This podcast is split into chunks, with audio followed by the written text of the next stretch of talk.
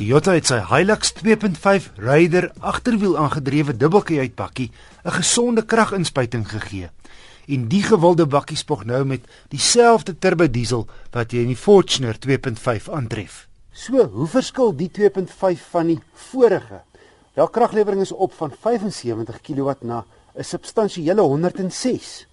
Wrinkrag styg van 260 na 'n stewige 343 Newtonmeter.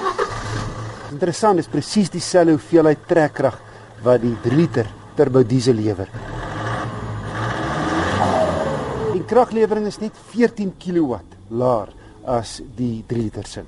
Dit laat die vraag ontstaan, is daar 'n wesenlike verskil tussen die 2.5 en 3 liter kragbronne? Met versnelling baie dieselfde, net in een opsig kom die 2.5 voelbaar tweede sy turbo skop eers regtig by 1800 toere in terwyl die 3 liter al vroeër in die toere strek vir jou krag gee.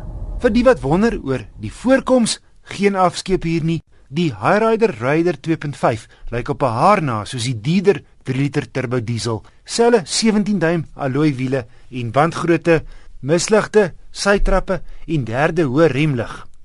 Binne dieselfde leer op die ratkierie en stuur, USB en iPad sokke, kontroles op die stuur en ses lugsakke. So behalwe bietjie minder krag, wat gee jy op vir die R23500 wat jy minder betaal vir die 2.5? Sover ek kon vasstel, hoofsaaklik 4 dinge. Hy het nie die 3 liter se stabiliteitsbeheer en spoedbeheer nie, net gewone lugversorging teenoor klimaatbeheer en slegs gewone ABS remme, terwyl die 3 liter se ABS ook remverspreiding en noodrembystand bied.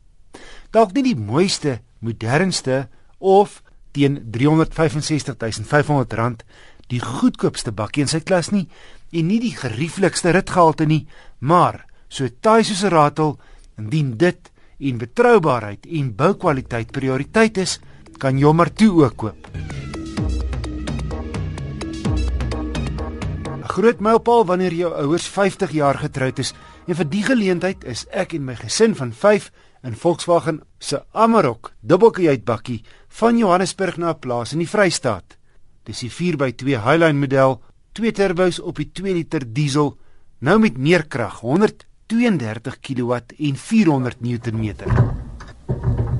Ons is volgepak met 'n sleepwa waarop 'n 5 meter lange kajak vasgemaak is. Nie daarmee die Amarok nie, maar 'n trekker met wa waarop die kinders kon ry op die plaas. Een van daai daar wat die boere baie bly is oor want dit reën hier in die Vrystaat.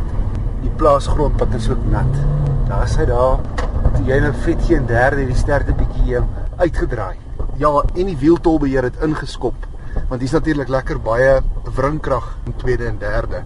So die stert is geneig om 'n bietjie los te raak. Hy is goed geveer, ek moet sê en ehm um, alhoewel die wiele miskien 'n bietjie klein kan vertoon die standaard wiele voel dit nie of dit 'n groot impak op die rit het nie. Inteendeel die voertuig ry soos 'n sedan. Is ook 'n knoppie vir soos die Engelse sê descent control. Dis sal seker afdraande beheer wees. En dan kan jy sy ewenaar agtersluit? Ja en tog ten spyte van die feit dat dit 'n baie goeie voertuig is is daar een of twee klein dingetjies wat my bietjie pla. In hierdie prysklas sou ek nogal satellietkontroles op die stuurwiel wou hê.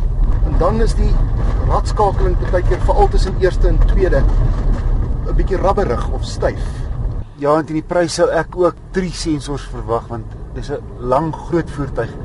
O, 'n ander ding wat my opgeval het is die rempedaal se gevoel as jy hom liggies intrap gebeur daar nie jy's iets nie. Eers wanneer jy hom so halfpad ingetrap het dan byt hy skielik en dit het my nogal aan die begin veral onkant gevang. Die kaphouers is op 'n baie slim en praktiese plek geplaas. Ek ja. word weer beïndruk deur uh, kyk hier aan hierdie linkerkant sowel as die regterkant is daar vier wat noem mense dit vashou plekke. Een ding wat my beïndruk hierdie vakansie is hoe gerieflik die Amarok ry want onthou nou soos enige ander bakkie het hy bladvere agter met die sleepwaandjie en die kajak bo op het ek die wiele agter 300 kph laat pomp. Ja. So nie sou dink hy sou nog al 'n stamperige rit hê maar maar hy ry heel gerieflik. Ja, so kom ons kyk wat maak hierdie Amarok op 'n klipperige en stamperige wat sou ek sê seker omtrent 'n goeie 20 grade helling.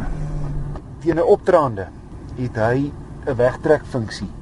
So in effek, as jy wegtrek dan of as jy jou rem lig, Daar lig ek my rem. dan hou hy vir jou die handrem vir 2 sekondes. Aha, interessant. Dan kan jy nie terugloop nie. Dis veral met 'n handrat is dit handig.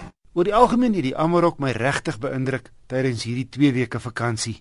Al wat geplaat is die remgevoel, die effens krapperige rataksie en die hoë straal of dan bright soos ons almal maar sê, wat 'n laag geskyn het op die oop pad. Maar sterkpunt is daar baie. Hy's ruim en gerieflik met 'n ritgehalte wat ander bakkies stroef. Hy het 'n hoë gehalte paneelbord en kajuit en dieselverbruik met die swaar gelaaide bakkie met sleepwa en kajak was 'n uitstekende 8.6 liter per 100 km op die oop pad. En die masjien is buigsaam met volop krag vanaf net 1500 toere of dan vanaf 80 km per uur in sy lekker lang sesterad.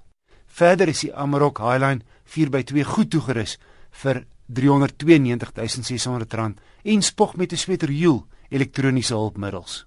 Beslis 'n toetsrit werd indien jy in die mark is vir 'n dubbelkajuitbakkie onder R400 000. Volgende week kyk ek weer na briewe van luisteraars.